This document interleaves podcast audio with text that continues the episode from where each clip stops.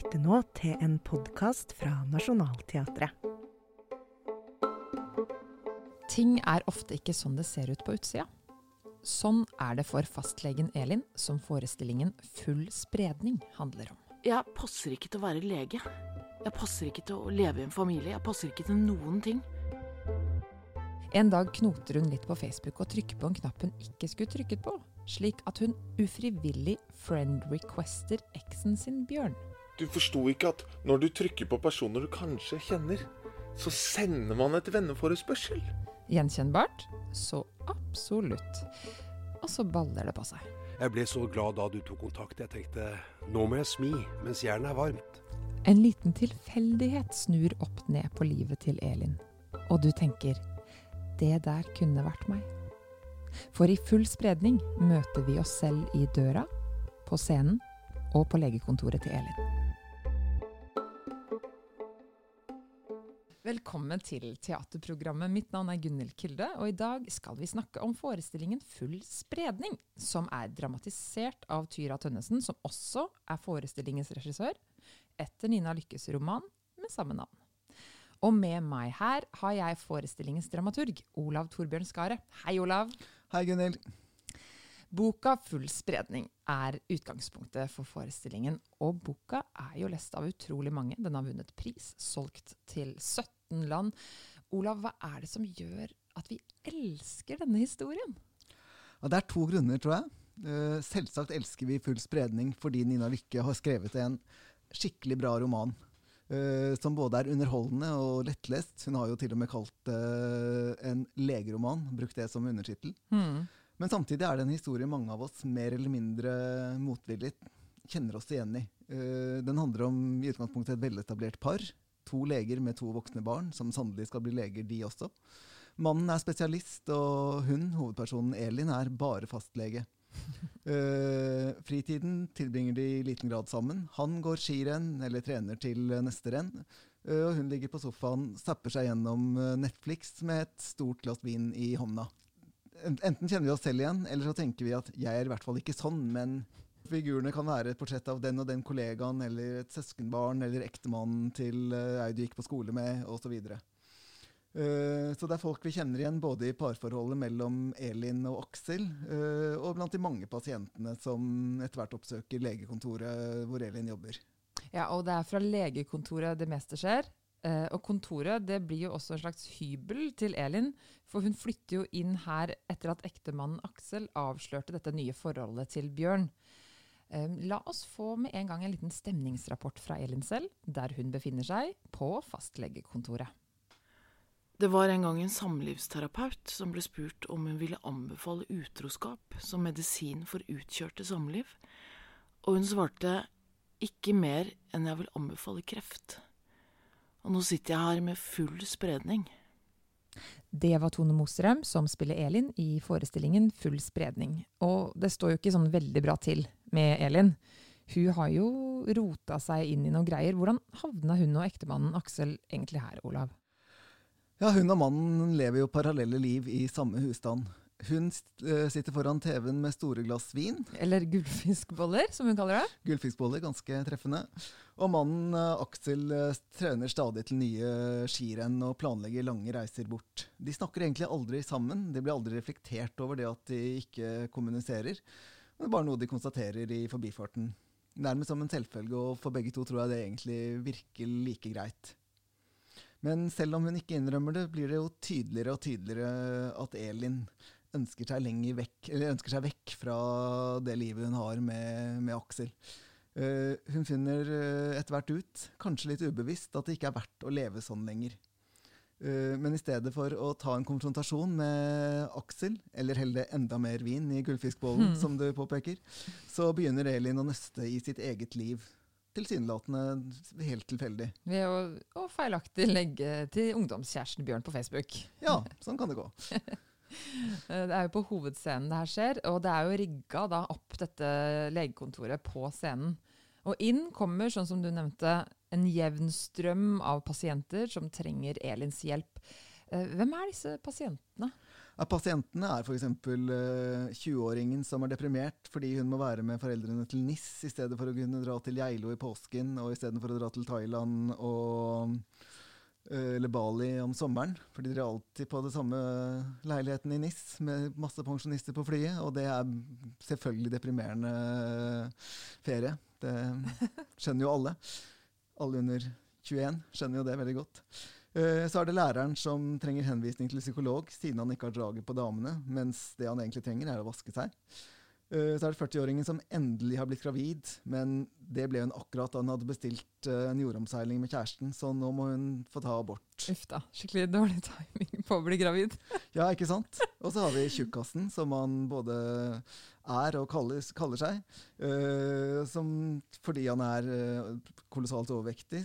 Selvfølgelig har problemer med hjerte og muskler, som vil bli frisk, men uten å gi avkall på noe som helst. Bare ta noen nye medisiner og få noen nye operasjoner. Og medisinene gir selvfølgelig bivirkninger som man trenger andre medisiner mot, som gjør at hjertet og musklene blir enda svakere, osv., osv. Og så er det lett å tenke at uh, disse pasientene kommer det de, det de, oppsøker Elin for å få hjelp til, er ikke ordentlige problemer. Uh, mm. Det kommer ingen pasienter med konkrete, gjenkjennelige sykdommer som lege Elin umiddelbart og konkret kan hjelpe.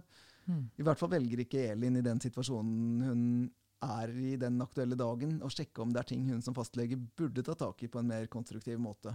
Ja, det er ganske mange pasienter her. Er det mange skuespillere som spiller pasientrollene? Uh, det tenkte jeg også umiddelbart da jeg leste romanen, at her blir det en haug med skuespillere som kan gjøre små, morsomme portretter. Uh, og det er alltid gøy på hovedscenen å ha et stort uh, ensemble. Men her har jo regissør Tyra bevisst tatt et helt annet grep. At alle pasientene spilles av to skuespillere. Og det er de samme skuespillerne som spiller Aksel og Linda, altså ektemannen til Elin og kona til elskeren Bjørn. Og så kan man jo selvfølgelig spørre seg hvorfor det akkurat er disse to uh, ansiktene som dukker opp, opp, på kontoret til Elin i tide og utide. Mm -hmm. mm. Og så må disse to skuespillerne fly inn og ut på hovedscenen og bytte kostymer og parykker og karakterer. Ja, og det er jo morsomt, for det er vanvittige kostymer i et mer og mer fordreide kropper. Jeg har jo allerede nevnt noen av pasientene, så jeg røper vel ikke mye ved å gi et par eksempler. Nei, få høre. Ja. Altså, du møter uh, skuespiller Marte Ingebrigtsen, som vi først ser uh, i Lindas idylliske Instagram-bilder på bakveggen, men som i neste øyeblikk kommer inn som en 20-åring med perfekt kropp og bekledning, gråtende fordi hun må dra til NIS i stedet for uh, Bali. Og så får du møte skuespiller Kim Haugen som ustelt lærer med fett hår, før uh, fettet flytter seg fra håret og til de 200 kiloene på kroppen til tjukkasen, før han fem minutter seinere dukker opp uh, på vei inn i dusjen etter en skispurt i Nordmarka. Så det er altså en blanding av uh, fordreide kropper som mm. enten er så perfekte eller så groteske at de ikke lenger er realistiske, men som alltid har et uh, lett gjenkjennelig og ikke minst velkjent uh, ansikt. Velkjent for oss til publikum fordi vi kjenner igjen Marte og Kim, men mest og kanskje verst velkjent for Elin, som altså blir hjemsøkt av Linda og Aksel. Ja, og Elin sliter sliter jo mer og mer med å holde følelsene sine for seg selv i møte med pasienten. Og så sliter hun jo også med å skille mellom uh, fantasi og virkelighet. Så da begynner hun å, å prate med skjelettet sitt, altså dette klassiske skjelettmodellen som man ofte finner på et legekontor. Ja, det er en skjelettmodell som uh, gradvis våkner til liv. Eller ikke gradvis, som ganske umiddelbart våkner til liv. Fordi Elin har begynt å snakke med han og gitt ham uh, navnet Tore. Så eh, legens lege, eller terapeut, da, om du vil, eh, er da dette skjelettet på kontoret. Eh, og du kan jo se den armen til Tore, skjelett-Tore, på plakaten til forestillingen også. Eh, gå gjerne inn på nettsiden vår og se. Eh, eller ja, den ser jo til forveksling ut som Elins arm. Ja. Mm. Uh, det er også litt morsomt når du ser det på scenen, at uh, når Elin ikke snakker med Tor, og han bare står som et skjelett, så er jo også det et skjelett som pasienten også tilfeldigvis kan gå bort og ta i hånda, eller bare som en sånn helt normal rekvisitt på et legekontor, hvor man ser at de er uh, rimelig husvarme. Men selvfølgelig mm. så blir jo vi nysgjerrige på hvem denne Tore egentlig er. For han er jo noen ganger så hjelper han Elin og sier det hun liker å det hun trenger å få høre. Andre ganger gir han henne mer motstand. Mm. La oss høre hvordan de to høres ut sammen i Tyra Tønnesens oppsetning. Her får du Tone Mosterheim, som spiller Elin, og Herbert Nordrum, som spiller Skjelettet. Og her går de tilbake til det øyeblikket der alt gikk galt. Det ville ha hendt uansett. Nei. Aksel sto for mye på ski. Det var jeg som la til Bjørn som venn. Aktivt. Du forsto ingenting av sosiale medier. Du forsto ikke at når man trykker på personer man kanskje kjenner, så sender man et venneforespørsel. Du ante ingenting. Før beskjeden plutselig dukket opp 'Bjørn har akseptert din venneforespørsel'. Og så den der vinkende hånda. Bjørn vinker til deg. Jeg hadde ikke trengt å trykke 'vink tilbake'. Det var altså Elin og skjelettet Tore eh, i sceneversjonen av eh, Full spredning. For dette her, eh, Olav, er jo ikke boka som leses opp som replikker på scenen. Eh, nei, for en roman inneholder jo mye annet enn replikker. Det er mye beskrivelser og ting som på, på scenen er vel så naturlig å vise som å fortelle eller eh, lese opp, som du sier. Så det er blitt laget en helt ny versjon, eller en annen versjon, fordi det er et teaterstykke og ikke en uh, roman med små og store endringer. Uh, selv om det er eh, Nina Lykkes uh, roman, altså historien fra Nina Lykkes roman som blir fortalt. Eh, Vi kan nevne et eksempel på noen av endringene som Tyra har valgt å gjøre. F.eks. dialogen eh, mellom Elin og Skjelett Tore, som jo er gjennomgående i hele romanen. Der er det blitt gjort en del endringer eh, fra boka. Noe som Tyra da spurte Nina om lov til, og fikk tillatelse til. For hun oppdaget at eh, det var morsommere om Elin og Tore innimellom kunne bytte replikker og dermed bytte ståsted. At det gjorde forestillingen mer levende. Uh, og sånn er det jo når du tenker deg om også i romanen, at uh, når du leser, veit du aldri helt eh, om det er Elin eller Tore som skal representere det mest fornuftige synet. Men i boka er det kanskje uh, litt mer motstand fra skjelett Tore? Ja, mens det i sceneversjonen er mer eh, dynamikk. Mm. Og det gir jo en litt ekstra dramatikk, for å bruke et passende begrep, uh, når vi aldri helt vet, vet hvem av dem, hva hver og en av dem vil mene om saken de diskuterer. Så må vi jo ikke glemme at det er jo ikke en realistisk samtale mellom et, en lege og et plastskjelett vi er vitne til. Alt foregår jo til syvende og sist inni Elins hode. Selv om de stakkars uh, pasientene innimellom legger merke til det fordi hun tenker litt vel høyt. Mm. Når man ser litt uh, rundt seg på norske teatre, så er det ganske ofte man ser at uh, det settes opp en sceneversjon av, av en roman. Og hvordan er det man jobber når man skal få en bok til å passe på teaterscenen? Du nevnte jo dette med replikker, at eh, regissør Tyra fikk lov av forfatter Nina til å bytte om. Eh, Hvilke andre grep tas, eller hva skjer med en bok når den blir en sceneversjon? Ja, der er det vel omtrent like mange eh, svar som det finnes eh, romaner. Eh, men en kan jo si som utgangspunkt at det å se en roman på scenen er noe annet enn å lese boka. Så vil vi nok oppleve at særlig når teaterne setter opp klassiske romaner, så kan regissørene og de som dramatiserer, ta seg mye større friheter enn med klassiske teaterstykker. Ja, sånn for eksempel um, Anna Karenina eller eh, Kristin Lavransdatter. For eksempel. Ja. Eller Mm. Markens Grøde og Mysterier av Hamsun, som vi har gjort her for ikke så mange år siden. Mm. Uh, mysterier på Nationaltheatret og mysterier på Agder Teater var uh, to veldig forskjellige forestillinger, for Mm. eksempel. Ja. Eh, mens Full spredning er jo en nåtidsroman som har en veldig klar uh, historie. Mm. Og det var jo den historien uh, i seg selv som regissør Tyra var interessert i å fortelle, og de mulighetene som lå der. Og da hjelper det selvfølgelig at handlingen, i hvert fall det vi kan kalle rammehistorien i full spredning, foregår i løpet av én dag inne på legekontoret. Det er jo det perfekte eh, premisset for en teaterforestilling fra gresk, greske tider. Altså alt skal foregå i løpet av ett døgn og på ett og samme sted. Uh, og selvfølgelig da berikes med mange tilbakeblikk som i denne versjonen selvfølgelig foregår inne på legekontoret. Både av teatertekniske grunner, men som vi har tidligere snakket om, fordi utgangspunktet gjerne er samtalene mellom doktor Elin og skjelett uh, Tore. Uh, så det får jo en situasjon hvor dagens uh, pasienter må konkurrere med fortidens møter og Elins samtaler med ektemannen Aksel og FB-chatter og stevnemøter med Bjørn, Instagram-bildene til Linda osv., som bryter inn i legearbeidet hennes på de mest uforutsigbare steder og tidspunkt. Mm, så man må i hvert fall ikke ha lest uh, romanen 'Full spredning' for å skjønne forestillingen? da? På ingen måte. Mm. Uh, selv om det ikke er boka vi leser, uh, viser på scenen, så er det laget en forestilling uh, som er en grundig omarbeidelse av boka, slik at ting ikke skal beskrives, men vises og sies. Men det er jo til syvende og sist den samme historien som blir fortalt, og på en forståelig måte. regissør Tyra og forfatter Nina Lykke har jo hatt løpende kontakt i prosessen, og Nina har bidratt med både omskrivninger og innimellom nye replikker. jeg skjønte at hun også var innom prøvene og, og, og, så litt på arbeidet?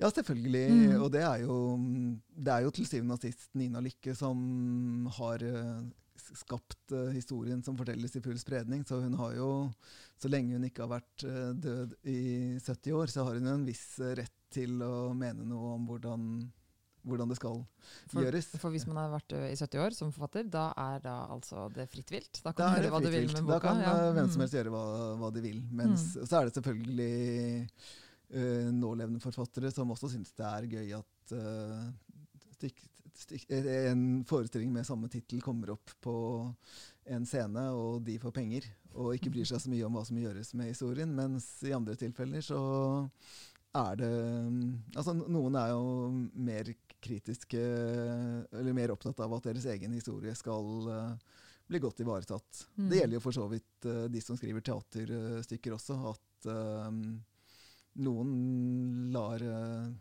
oversettere eller regissører boltre seg fritt, mens andre har strenge krav til hvordan det nøyaktig skal, skal gjøres. Mm. Du nevnte i stad, Olav, at vi befinner oss jo i dette legekontoret på scenen.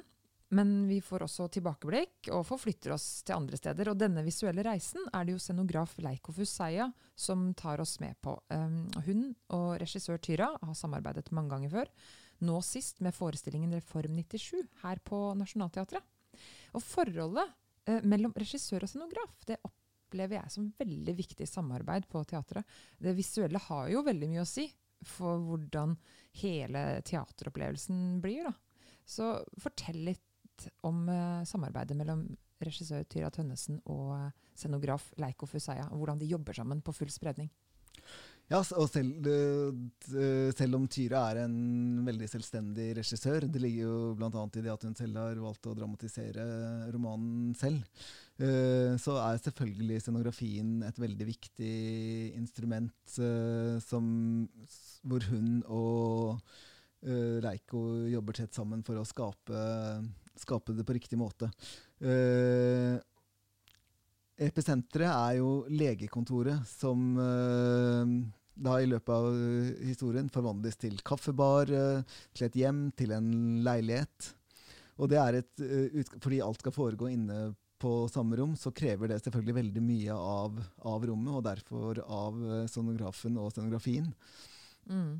Så samme rom, da mener du på samme, altså scenen, altså hovedscenen. Ja, hovedscenen, men vi er jo hele tiden på legekontoret, selv om vi forflytter oss uh, ja, nettopp, Det er alle disse ja. andre stedene som kommer inn til, uh, inn til legen. Mm. Både pasienter og tilbakeblikk. Elin er på kontoret sitt hele tiden, selv om hun i tankene beveger seg mange andre steder. Og det er jo et ganske viktig en ganske utfordrende oppgave for uh, scenografen å, å løse den, den biten der. Og erfaringsmessig så er jo det en kreativ prosess som går flere veier. At uh, en regissør sier at 'jeg vil lage en forestilling som forteller den og den historien, som foregår på dette og dette rommet'. Og så kan scenografen enten komme med levere det han eller hun får beskjed om, eller komme med innspill som gjør at uh, regissøren må tenke seg om og si ah, kanskje jeg skal gjøre det på den måten isteden, fordi dette rommet gir de og de mulighetene. Og to som kjenner hverandre såpass godt som uh, Tyra og Leiko gjør, der er det nok en sånn dynamikk som har vært uh, til stede.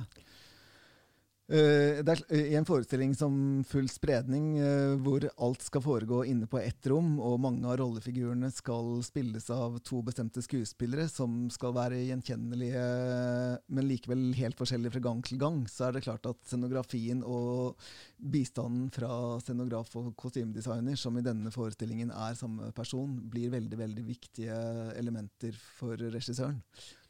Full spredning treffer jo liksom en nerve i oss. Både personlig, men også sier den jo noe om samfunnet vårt i dag. Det er det ikke en sånn tendens at vi ofte ønsker oss en litt sånn quick fix på alle mulige vondter og plager eh, vi har, uten at vi tar en titt i speilet først?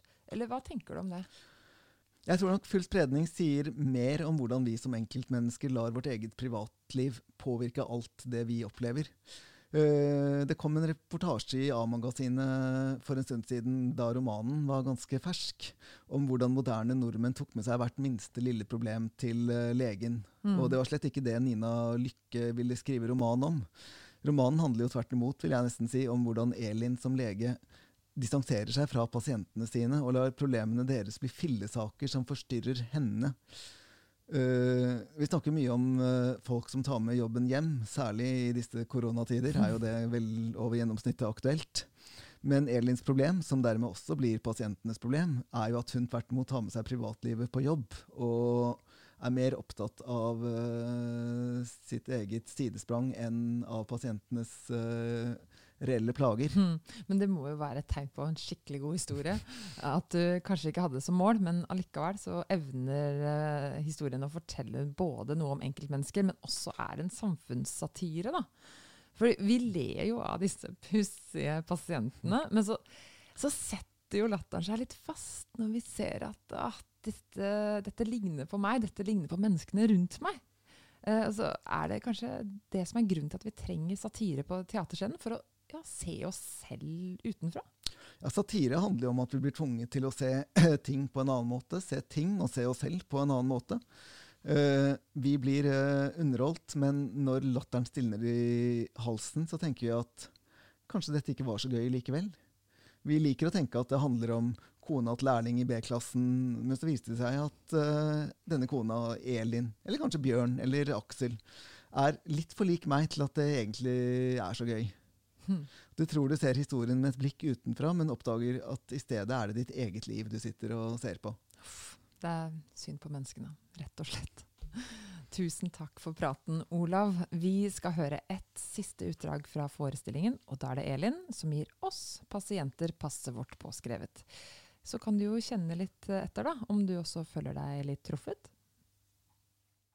Jeg skal slippe inn konsumenter og forbrukere som venter på sin daglige dose med service og empati. Jeg skal slippe inn en stadig skjørere og mer følsom befolkning, som samtidig blir stadig frekkere og mer krevende, som tar det som en selvfølge at kroppen skal fungere knirkefritt, som blir overraska den dagen den ikke gjør det. De middelaldrende skjønner ikke hvorfor de er så trøtte hele tida. Det er fordi du begynner å bli gammel.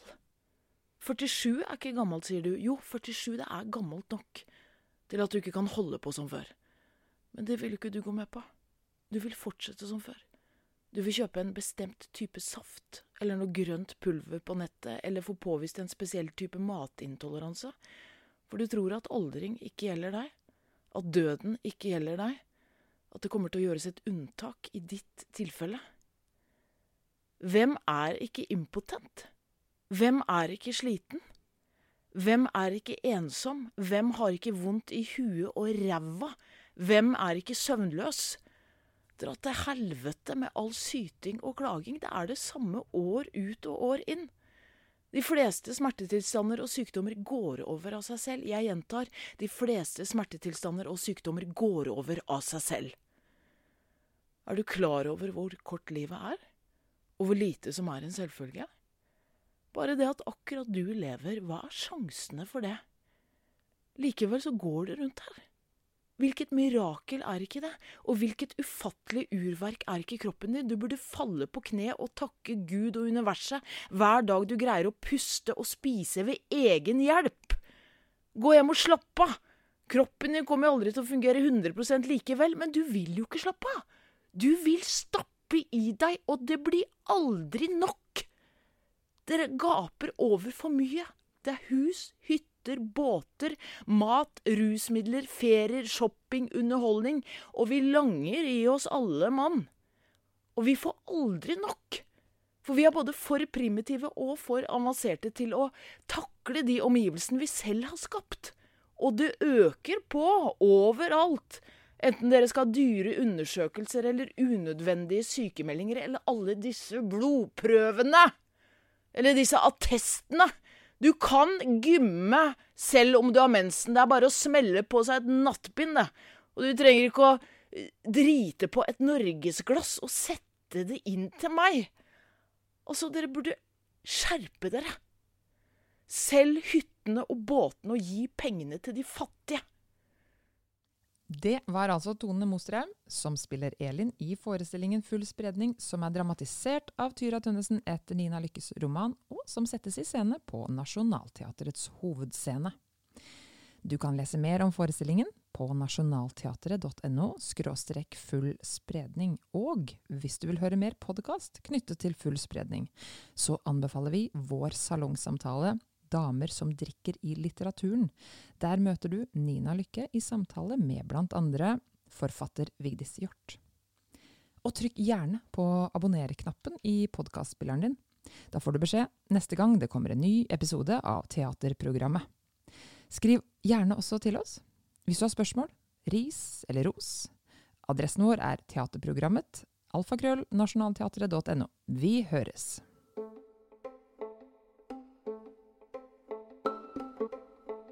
Takk for at du hørte på Nationaltheatrets podkast Teaterprogrammet.